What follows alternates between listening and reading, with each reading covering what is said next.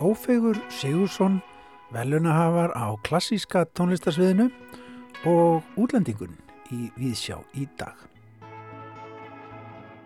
Maðurinn er að auðanlagður þunri skél af skinnsemi en undir er djúb skelvingar.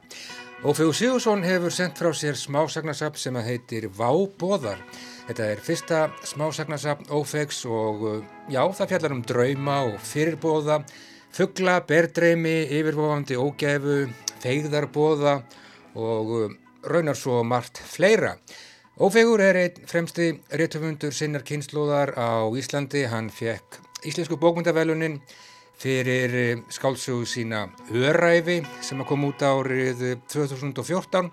Hann skrifaði skálsögu um Jón Stengrimsson, eldklerk sem að vakti á sínum tíma töluverða aðtegli. Síðasta skáltsaga Ófegs Heklugi á kom út árið 2018.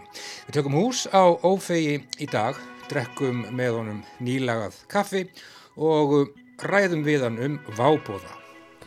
Við segjum líka frá velunahöfum Ársins hjá breska tónlistartímaritinu Grammafón sem að velunar þær upptökur með síkildri tónlist sem að staðið hafa upp úr að undanförnu.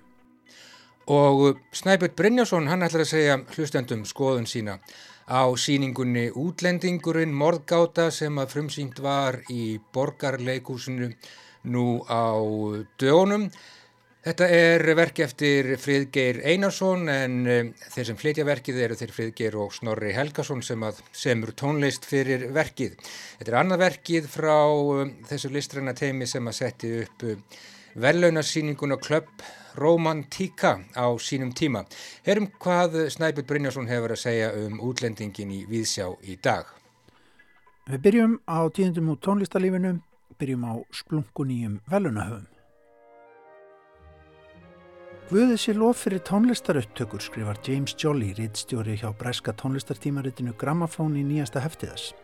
Greinina kallar hann upptökur eru björgunar línan og hún er innleiðing í umfjöllum blaðsins um grammafón velunarplötunar þetta árið sem að valdar hafa verið þar á bæ sem það besta sem bóðið hefur verið upp á í heimi síkildrar tónlistar á undanförnum mánuðum. Þar mat James Jolly og kollega hans hjá blaðinu að mikilvægi upptaka plötu útgáfu og streymis hafi aukist mjög á þessu skrampans árið 2020 þegar tónleikahald hefur lamast svo víða um lönd og því engar gleðilegt hvað upptökubransinn í klassísku tónlistinni hafi verið líflegur af undanförnu. Og jú, þetta er rétt meðið. Frábærar upptökur streyma reynlega á markaðin úr ýmsum áttum og hersveit tónlistarblaðamanna tímareitsins hefur núna komið sér saman um hvað standi upp úr í þeirri miklu rúu. Við sjá allar í dag að fara lauslega yfir þetta.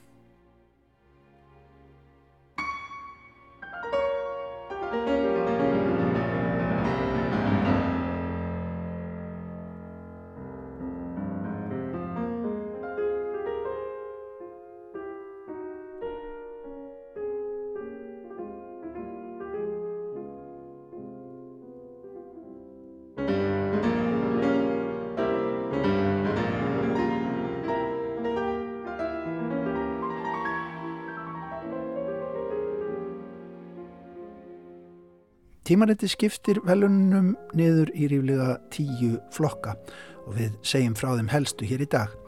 Hér hljómaði brot úr koncertaplötu ársins, breski pianistinn Benjamin Grosvenor, bar þar sigur úr bítum með nýri hljóðrutun á báðum pianokoncertum Fredrik Chopin. Ég er alls ekki að segja að pianistinn sem að hér kemur fram með konunglu skosku hljómsveitinni undir stjórn Elim Chan sé ekki vel komin af þeim velunum en það virðist samt ekkert endilega að skemma fyrir tónlistafólki að vera með brest ríkisfang þegar kemur að viðtökum í gramafónblæðinu. Kanski er það ekkert skrítið. Flutningu pianistans er í það minnst að þrótt mikill og glæsilegur og hljómsveitar vefnaðari nýtu sín vel, til dæmis blástusrættir hljómsveitarinnar bæði í tríu og málmi. En úr sjópenn í nýri tóna.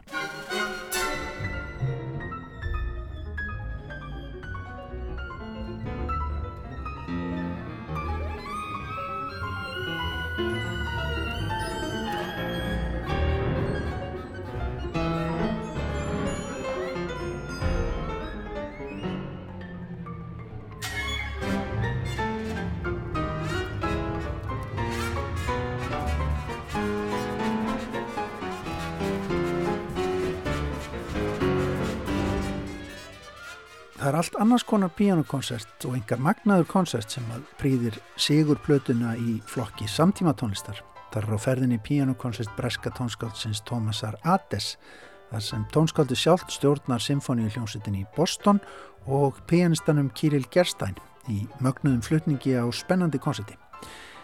Platan geymir líka dauðadans tónskáldsins þar sem að baritónsöngurinn Mark Stone og messosopransöngunan Kristjanne Stottin syngja.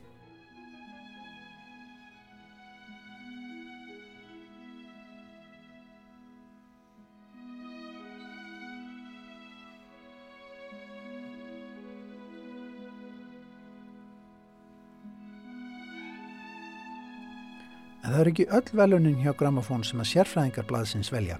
Lesendum var þannig bóðið að velja hljómsveit ársins úr hópi sérvalina hljómsveita.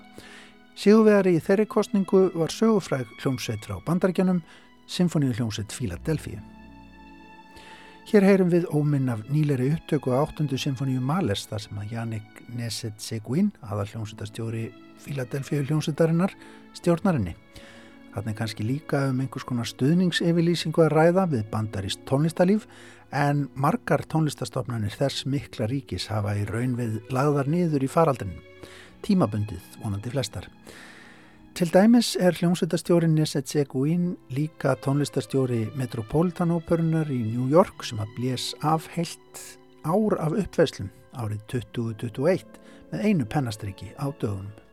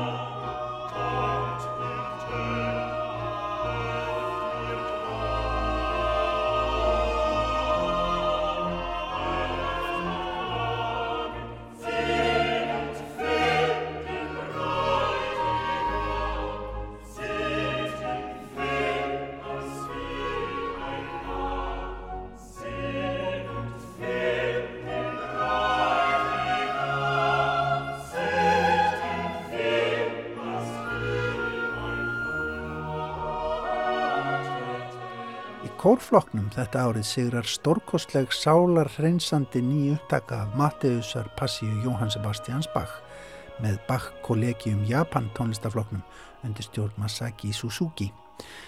Flutningurinn er reynd útsagt frábær og ekki skemmir fyrir að líka er ný komin út frá þessum sömu listamönnum upptaka af Jóhannesa Passíunni sem er ekki síðri. Útgáðunar eru gefnar út af sænska útgáðufyrirtekinu BIS en stjórnandi þess, Robert von Barr, fær sérstök velun fyrir æfistarf sitt frá tónlistartímaritinu á þessu sinni.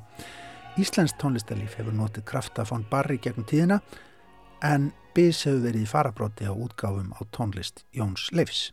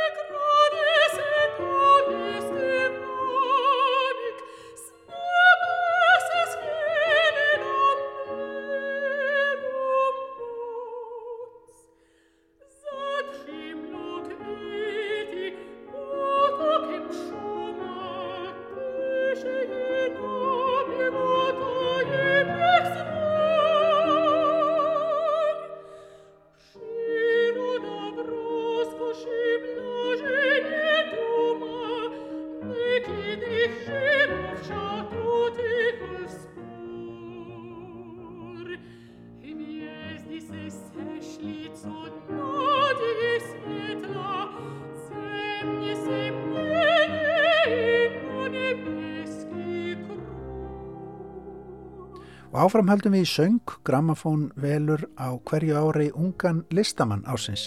Það er þessu sinni velska sóbransöngkonan Natalia Rominív sem er af úgrænsku bergi brotinn og gaf út plötu sem að hún kallar Arion ferðalag slavneskrar sálar á árunu.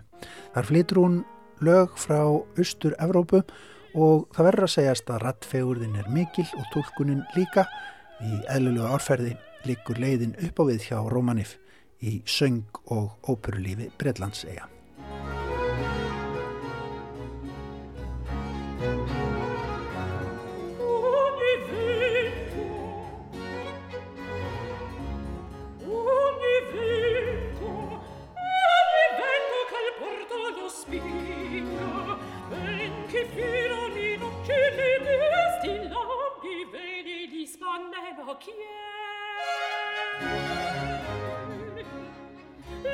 belli gli spanne d'occhiere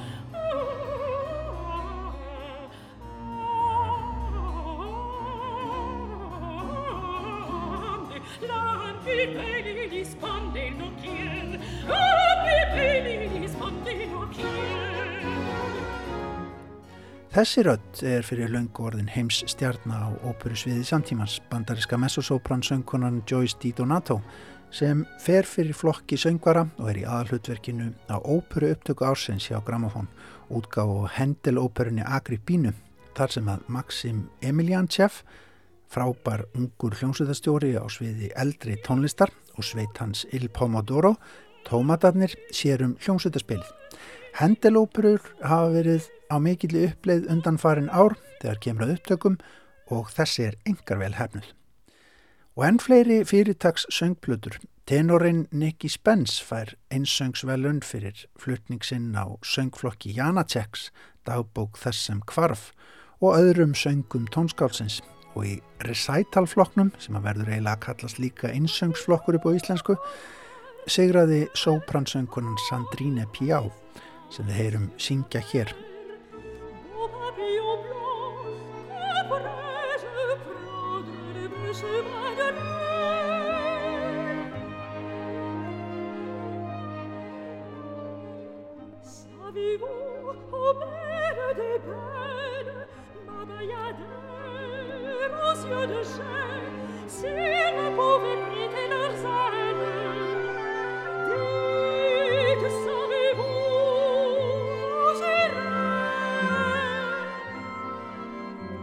Platan hennar geymir sönga franskra tónskálda og er engar snótur.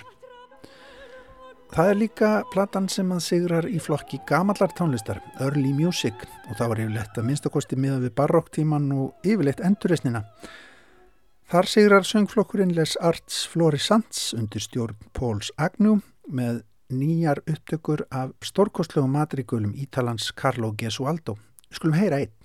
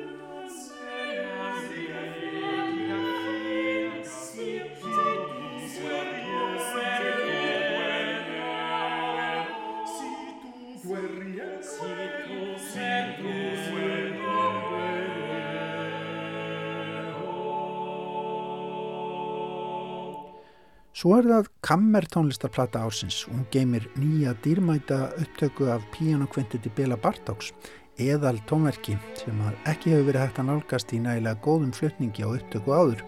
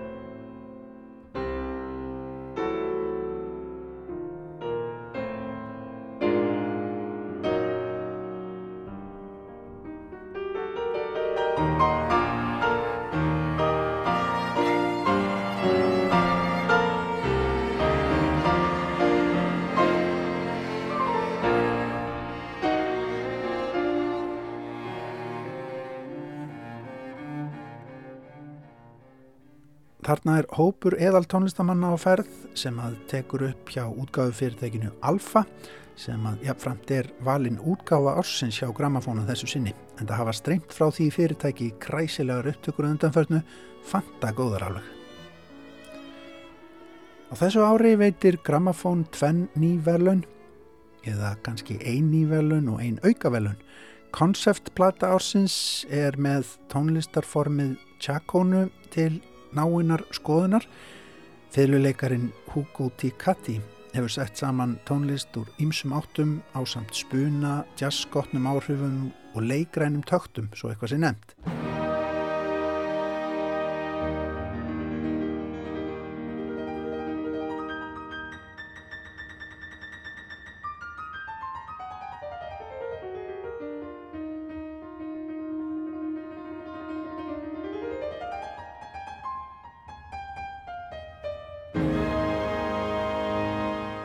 Svo veitir Gramafón sérstök Beethoven velun á þessu afmælis ári tónskálsins og þau hljóta píjánuleikarin Martin Helmchen, Þíska Sinfoníuljónsettin í Berlín og hljónsettastjórin Andrew Mansi fyrir fyrirtags upptökur á píjánukonsertum nr. 2 og 5 eftir tónskaldið.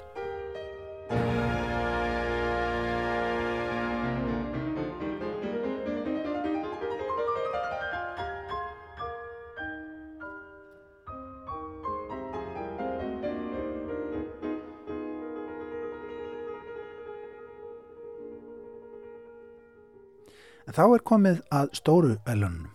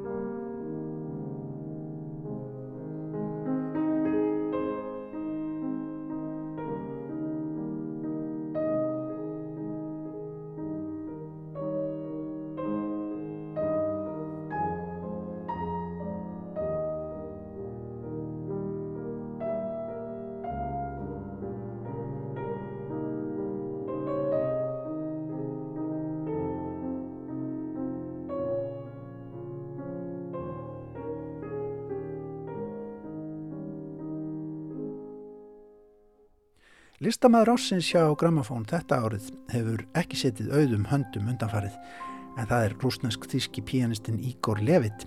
Hér heyrum við að leika títnemdan Beethoven af nýju heildarsafni af pianosónutunum. Igor Levit er hugmyndaríkur í útgáfum sínum. Hann gaf út merkilega plötu fyrir tveimur árum sem að heitir Live, Bach-safn alveg núna nýlega og þetta heildarsafn með Beethoven-sónutum sem að hloti hefur frábærar viðtökur.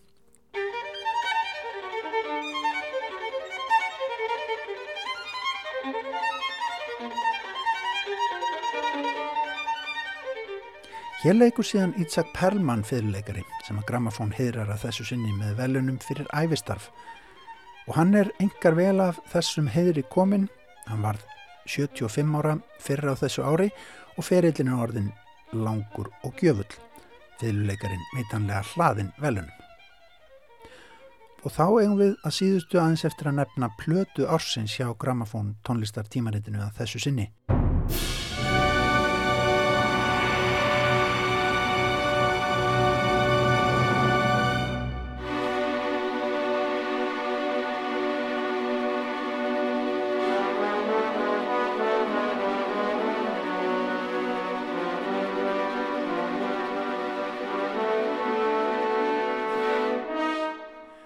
Ferðinni fyrsta upptaka litáensku hljómsveitastýrunar Mirku Grasniete Tíla fyrir Deutsche Grammophon.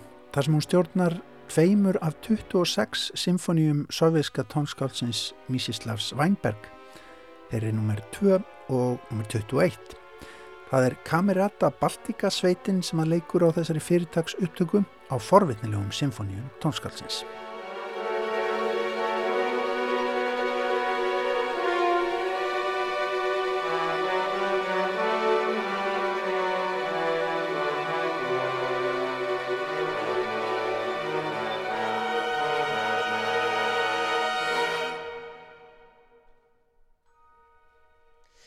En þá ágetur hlustundur leikur leið okkar í leikús þann eh, annan oktober síðastliðin. Það var frumsýnt á eh, litla sviði borgarleikúsins leikverkið Útlendingurinn Morðgáta. Það eru þeir Fridgjur Einarsson og Snorri Helgason sem eru flétjendur í þessu verki en Fridgjur er jafnframt höfundur verksins og Snorri semur tónlistina. Þetta er annað verkið frá sama listræna teimi og setti upp verðlaunasýninguna Club Romantika í þessum svo kallega ráðgátu þríleik. Útlendingurinn er skandinavíst raunsægis glæpa drama segir í orðsendingu sem mál Ísdals konunar svo kvölduð er kröfið á frumlegan hátt og nýjar óvæntar kenningar dregnar fram í dagsljósið. Snæbjörn Brynjarsson hann er búin að sjá. Árið 1970 fannst lík konu á útivistarsvæði við jæðar borgarinnar Bergen. Konan hefur síðan þá gengið undir nafninu Ísdalskonan, nefnd eftir þessum dal í nágrenni næst stærstu borgar Noregs, enda veit lögreglan en þann dag í dag hvorki hvað hún hétt, hvaðan hún kom, nýja hvort hún hafi sjálf kveikt í sér eða einhver annar. Og eina sem er víst er að hún hafi ímið stulargerfi, gekk undir ímsum nöfnum og fór víða.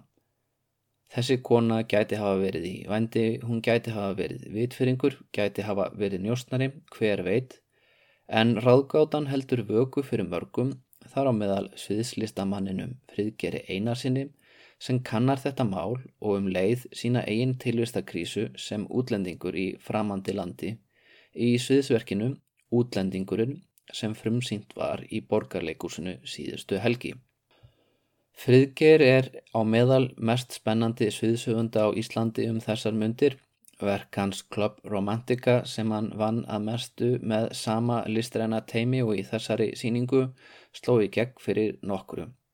Þar rannsakaði Friðgeir öllu hverstagslegri gátu þar sem hann reyndi að hafa upp á eiganda myndaalbums sem hann hafi keift á flóamarkaði í Belgíu og tókst á samt Snorra Helga sinni að búa til nokkuð hjartnæma og humoríska síningu og ég held bara nokkuð eftirminnilega líka.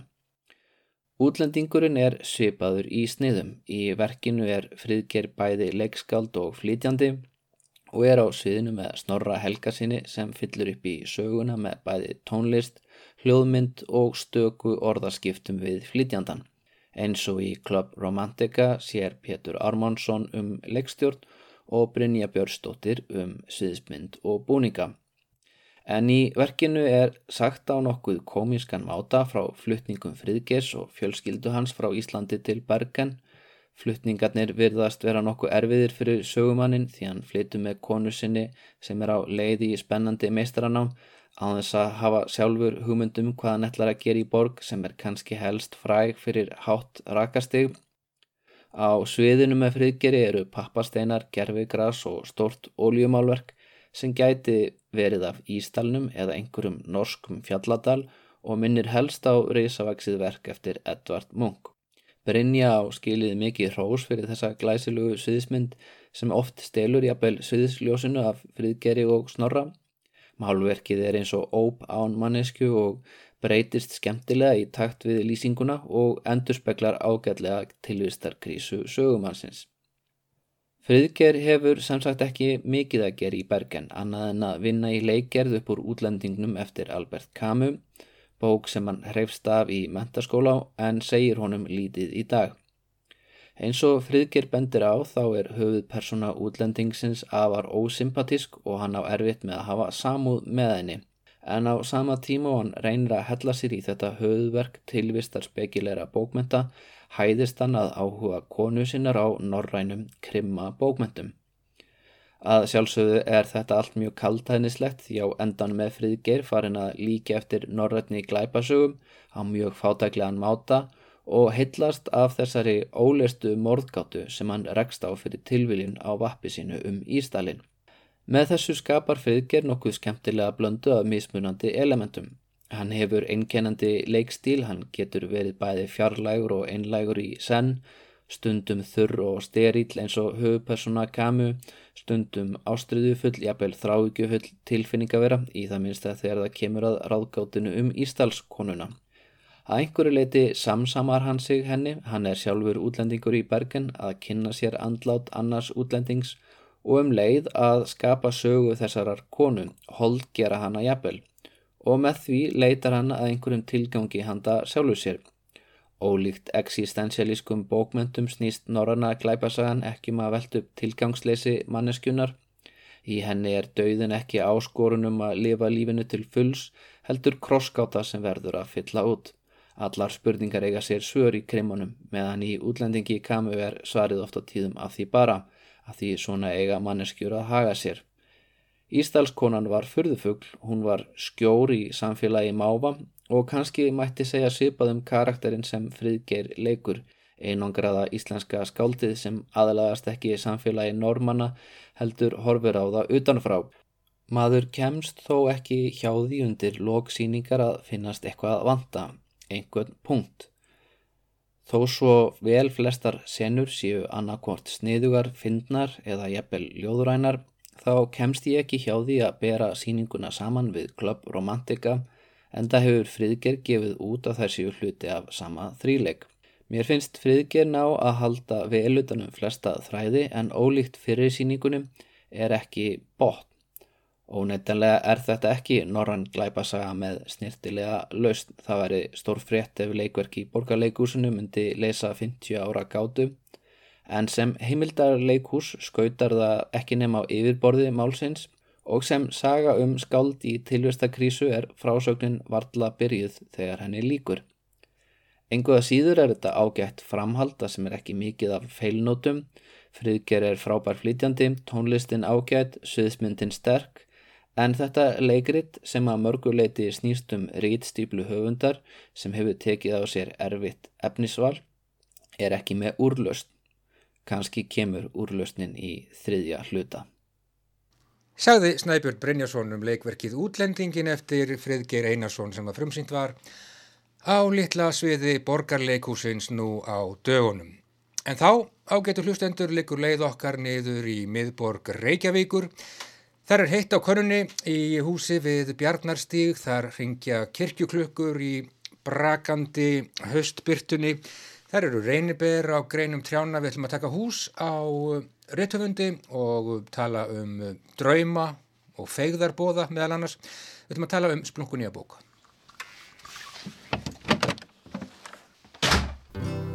A candy colored clown they call the Sandman tiptoes to my room every night just to sprinkle stardust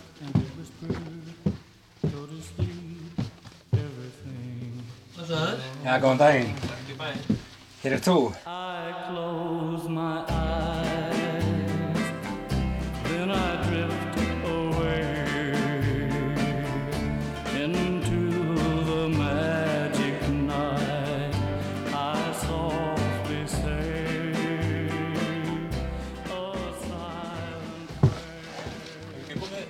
Nei?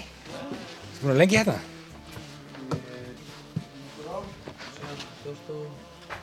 Já, þetta er flott. Þetta er flott. Er það ekki bara? sé það. Góður andi. Það er ekki bara. Jú, algjörlega. Þokkalegur. Já, svona áttu bara. Gott. Já, já, skýtbærilegur. Skýtbærilegur. Með við aðstæður og ástand? Já. Já, já. Algjörlega.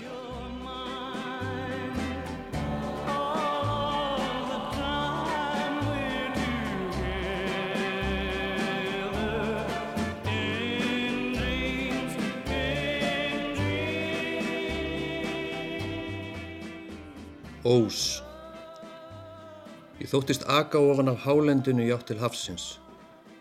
Karolína satt við hliðin á mér í bílnum. Við höfum lagt af stað snemma og vorum í góðu skapi. Við fylgdum ánni sem spratt undan snæfið þögtu eldfjallinu og rann allt til sjávar. Vegurinn var hólóttur og sléttan víðáttumikil. Fugglaskoðunarhúsið átt að standa við ósin í fjörinni. Þangað var ferðinni heitið en korugt okkar hafi komið þar áður. Þetta var fyrsti bjarti vordagurinn eftir langvinna umhleypinga. Veturinn hafði verið óvenjulega óvenjulegur, harður bæði og illviðrasamur með stórhríðum og asa hlákum á viksl. Farfuglarnir voru einhverja síður farnir að tínast til landsins og við ætlaðum að taka mótið þeim í fjörunni með kíki, myndavel, upptökutæki, glósubók og blíjandi. Karolína ætlaði að vita hvort hún næði nokkru ljósmyndum og hljóðutökum að máfum við ströndina, ég erið á kíkinum og blíjandinum. Karolína var heldtekinn af máfum. Hún saðist vera síkálomaniak eða haldinn sjávargullæði. Með grunarir að hún hafi búið þessi orð til sjálf. Ég fekk sjaldan skýr svör frá henni. Ég fann þetta allavega ekki í neinum orðabókum þegar ég aðtuði það eitthvað tíman. Gull sjávar lítur að vera sólinn, þóttist ég vita, sem rjóðar hafið blóði og eldi. Karolína dyrkaði vissu sólina en gatt líka verið svo litið glettinn. Hún var með gömlu upptökugræðina sínar með sér, ílangan hljóðnema, klætan grá yrjóttir í öllargæru, eitthvað hliðrannan hlungi eftirdrægi og gömul hirnatól ætluð óþekktri stærð af eirum. Hún spilaði kassettu í bílinum á leðinni með frá mánu með hljóðupptökum ríkisútarsins á fuggli dagsins frá sjönda áratögnum eins og til þess að hýta sig upp fyrir daginn. Hún let mig vita að það hefði ekki verið auðvelt að verða sér út um þessar upptökur þegar hún skellti spólunni í tækið með tilþrifum. Enguða síður fekk ég prigg fyrir það að vera á svo gömlum jeppa að í honum var kassetutæki.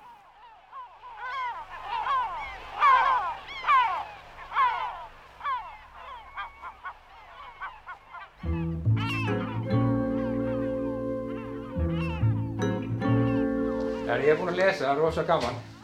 Já, það er slega gaman. Þú er að drepa stafnum leið. Nei, það gerði ég ekki. Það er mjög skemmtilegt.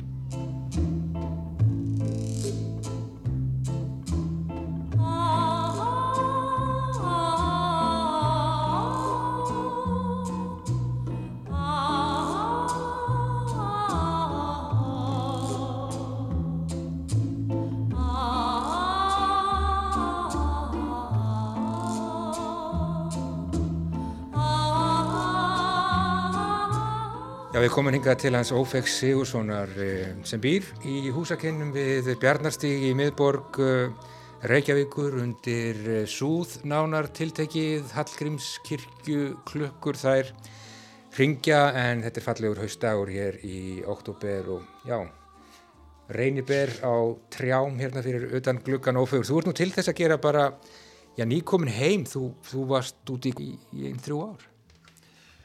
Ég var úti þrjú já, ég var eitt vetur í Berlín og svo tvö ár í Antwerpen Já, einmitt.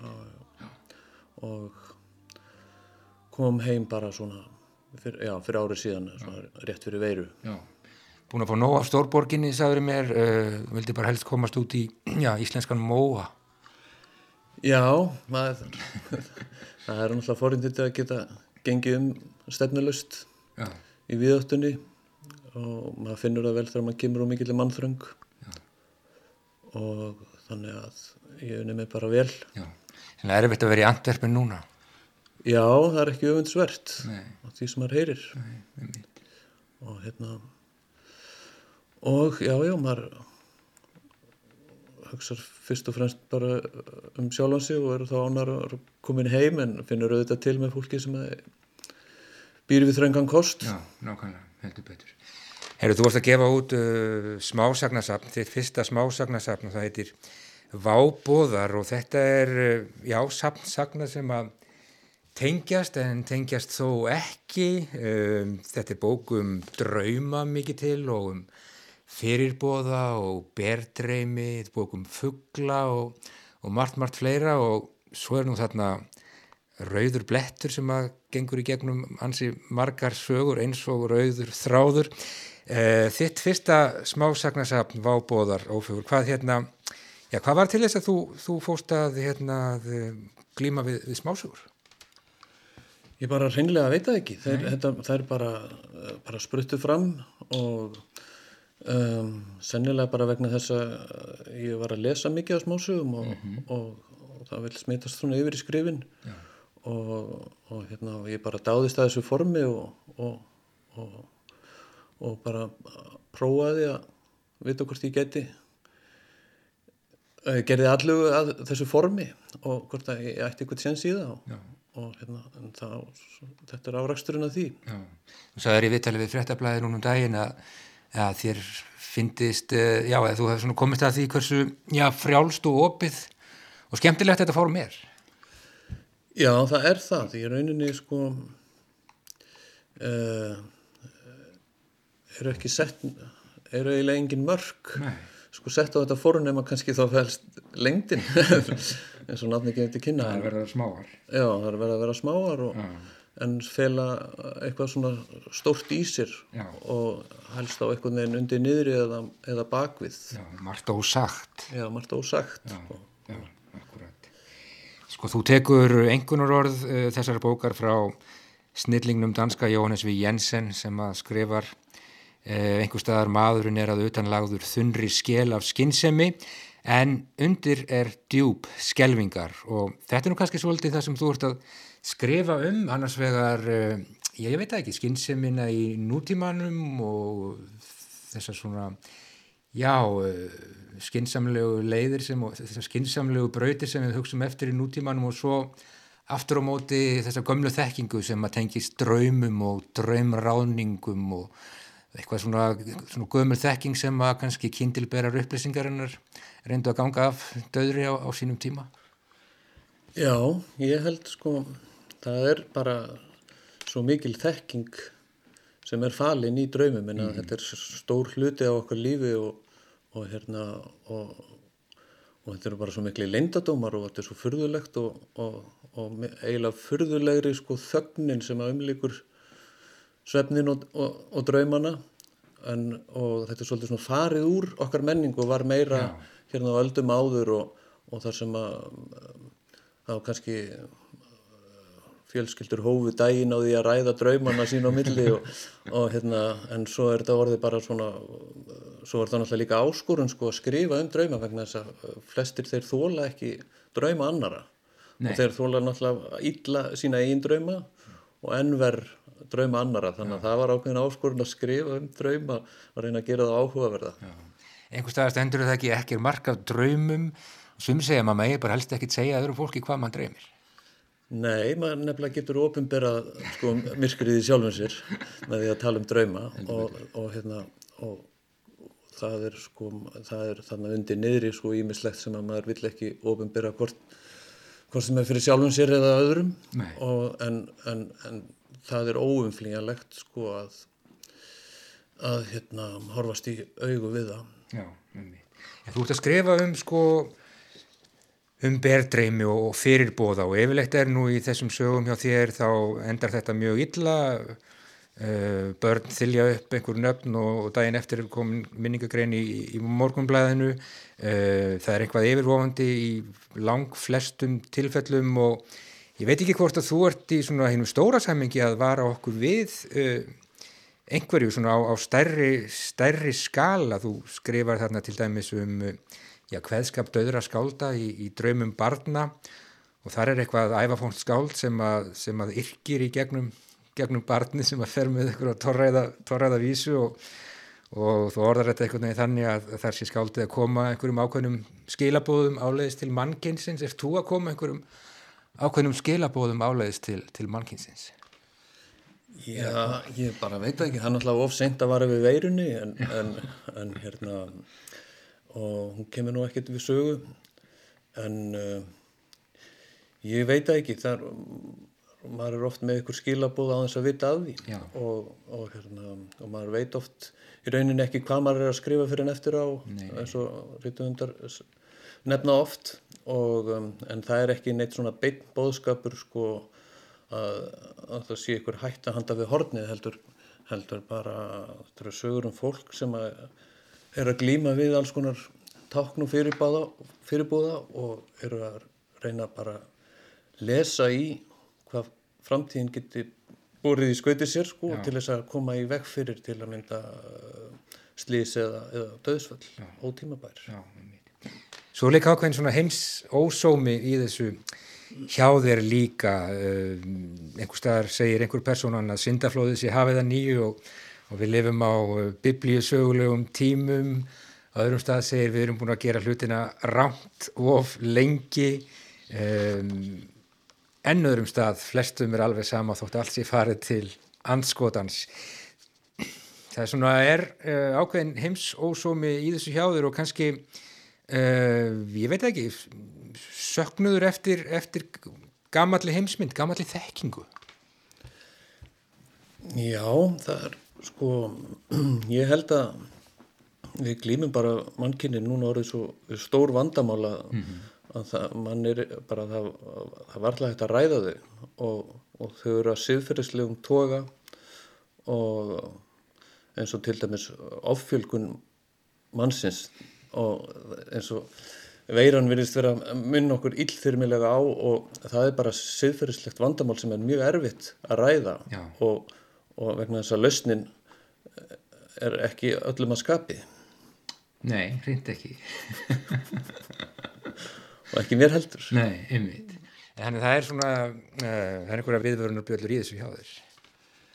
Já, þetta eru bara viðvörunarbjöllur sem að bara klingja í mér. Já, og, og sem að bara enduróma þá kannski í textanum með óbennum hætti.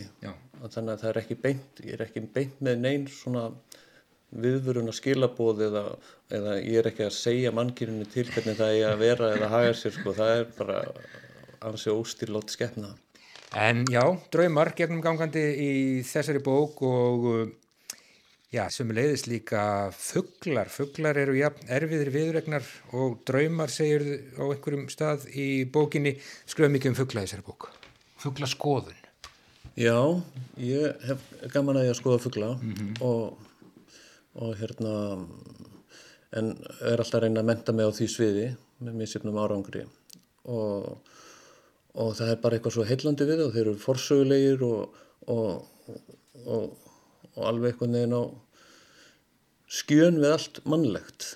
Og og, um, og það er ímis sko atriði sem að vek, vekja áhuga minn eins og, eins og þessi rauði aukringur í bjartmávinum Mm -hmm.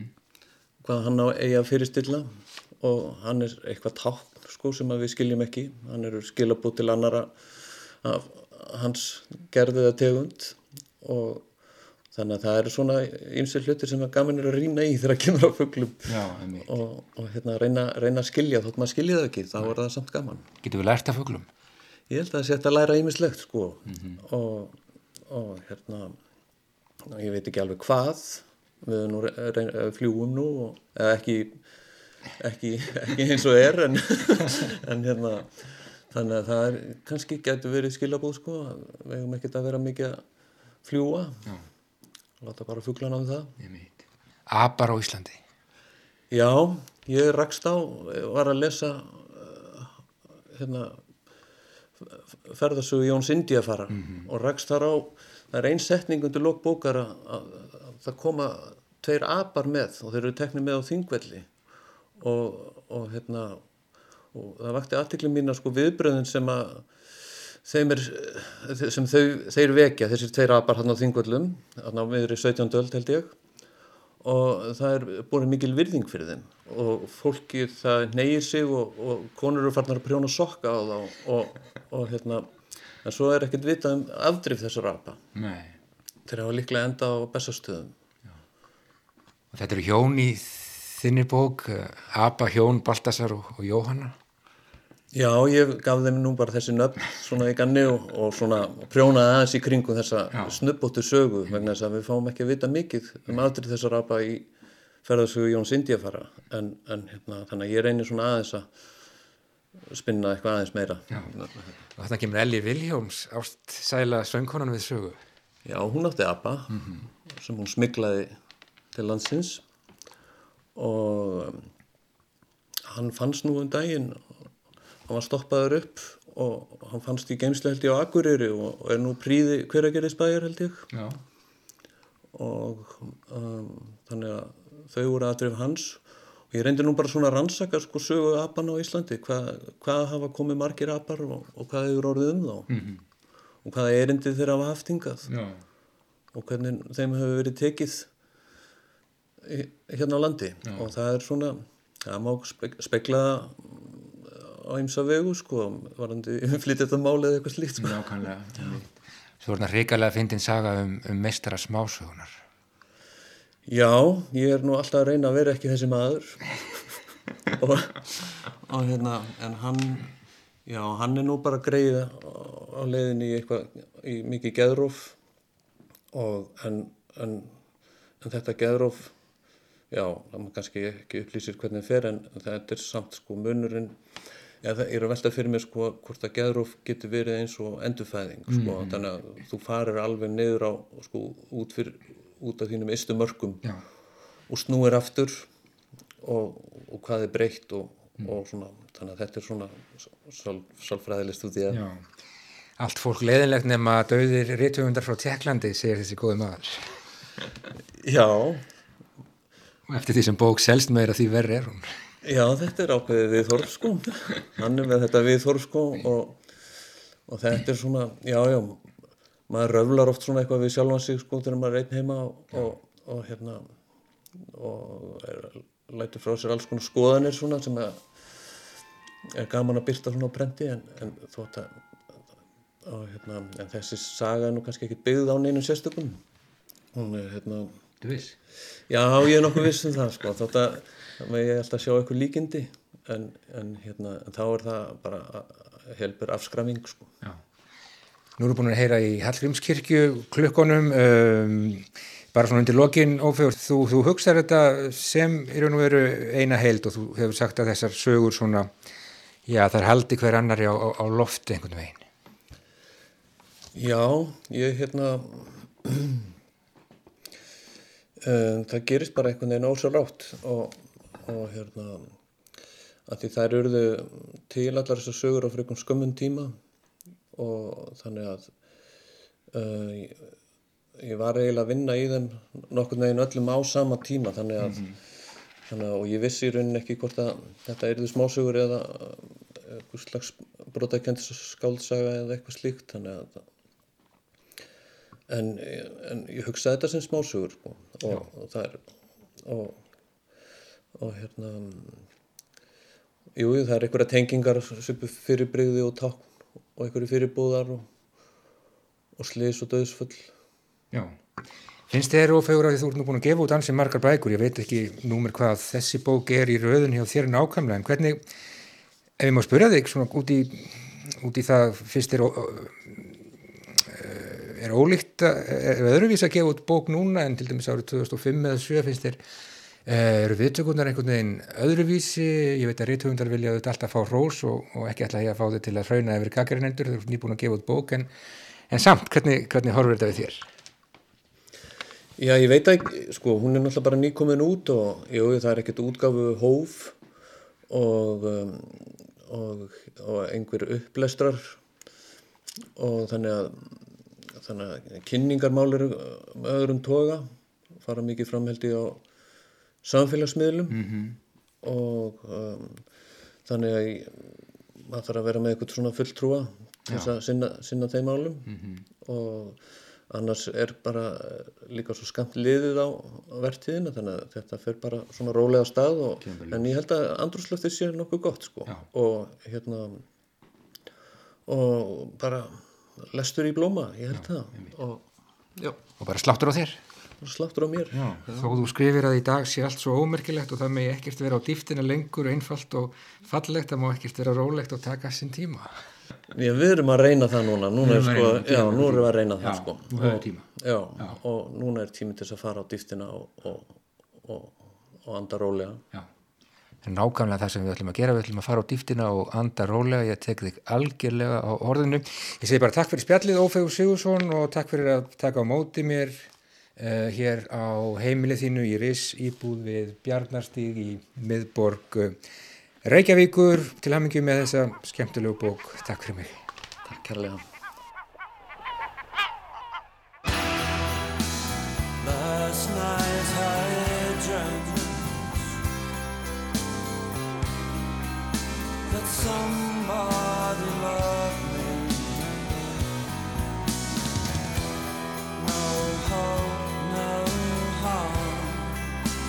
Another false alarm.